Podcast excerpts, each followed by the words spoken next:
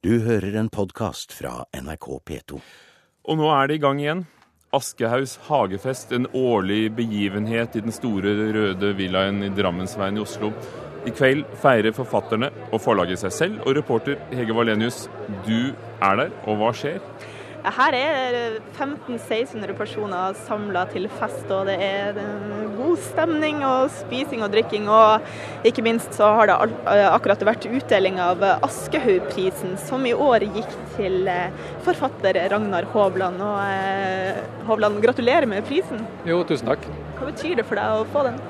Det betyr veldig mye, for det er den mest prestisjetunge nasjonale litterære prisen. Så det er jo en veldig stor ære. å Se på hvem som har fått prisen tidligere, så må jeg si at jeg, jeg kjenner at jeg er et veldig godt selskap.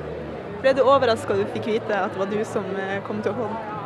Ja, det, det, ble jeg. Jeg kommer jo fra små kår, så de blir alltid overraska når det skjer noe uventa og positivt. Så det, det ble jeg. Og Prisen er altså en statuett og en sum på 100 000 kroner. Hva skal du bruke pengene til?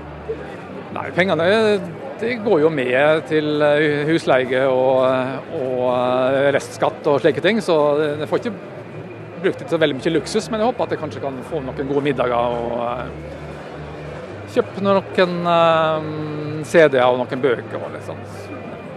Håper det. I begrunnelsen til juryen så sa de at, uh, at poesien din egner seg til uh, fuktige nachspiel. er du enig i den beskrivelsen?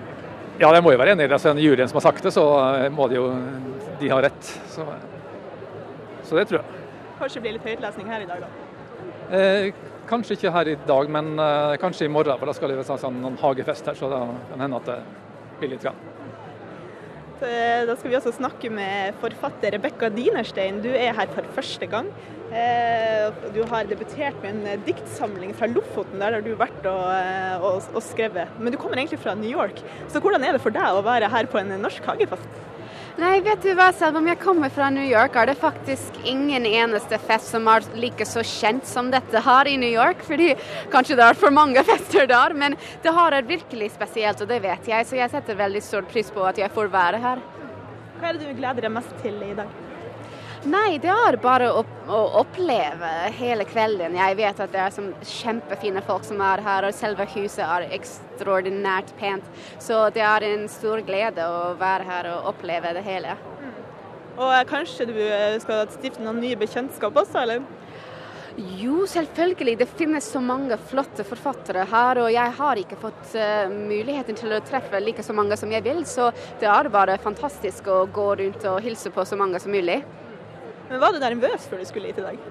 Ja, jeg var rett og slett det. Fordi jeg, jeg har hørt i hele sommeren hvor fin denne festen er. Så det var bare å stjele seg og komme og, og ha det fint. Og Hvordan har du tenkt å sette ditt preg på festen i dag, Rebekka? Nei, det blir jo vanskelig, men jeg blir kanskje den jente med flest blomster på kjolen. Ja, Da sier vi tusen takk til Ragnar Hovland og eh, Rebekka Dinerstein her fra eh, Aschehoug sin hagefest. Og hun har jo, som vi da hørte, mange blomster på kjolen. Men Hege Valenius, eh, ser du noen andre forfattere rundt deg? Bare for å nevne noen? Eh, ja, det er, det er, ganske mange forfattere, og både kjendiser og Men der, de jeg har sett som jeg har dratt mest kjensel på, det er faktisk Drillo, Unne Lindell, eh, Kjetil Roldnes. Jeg syns jeg så Anne Marie Ottersen her nylig.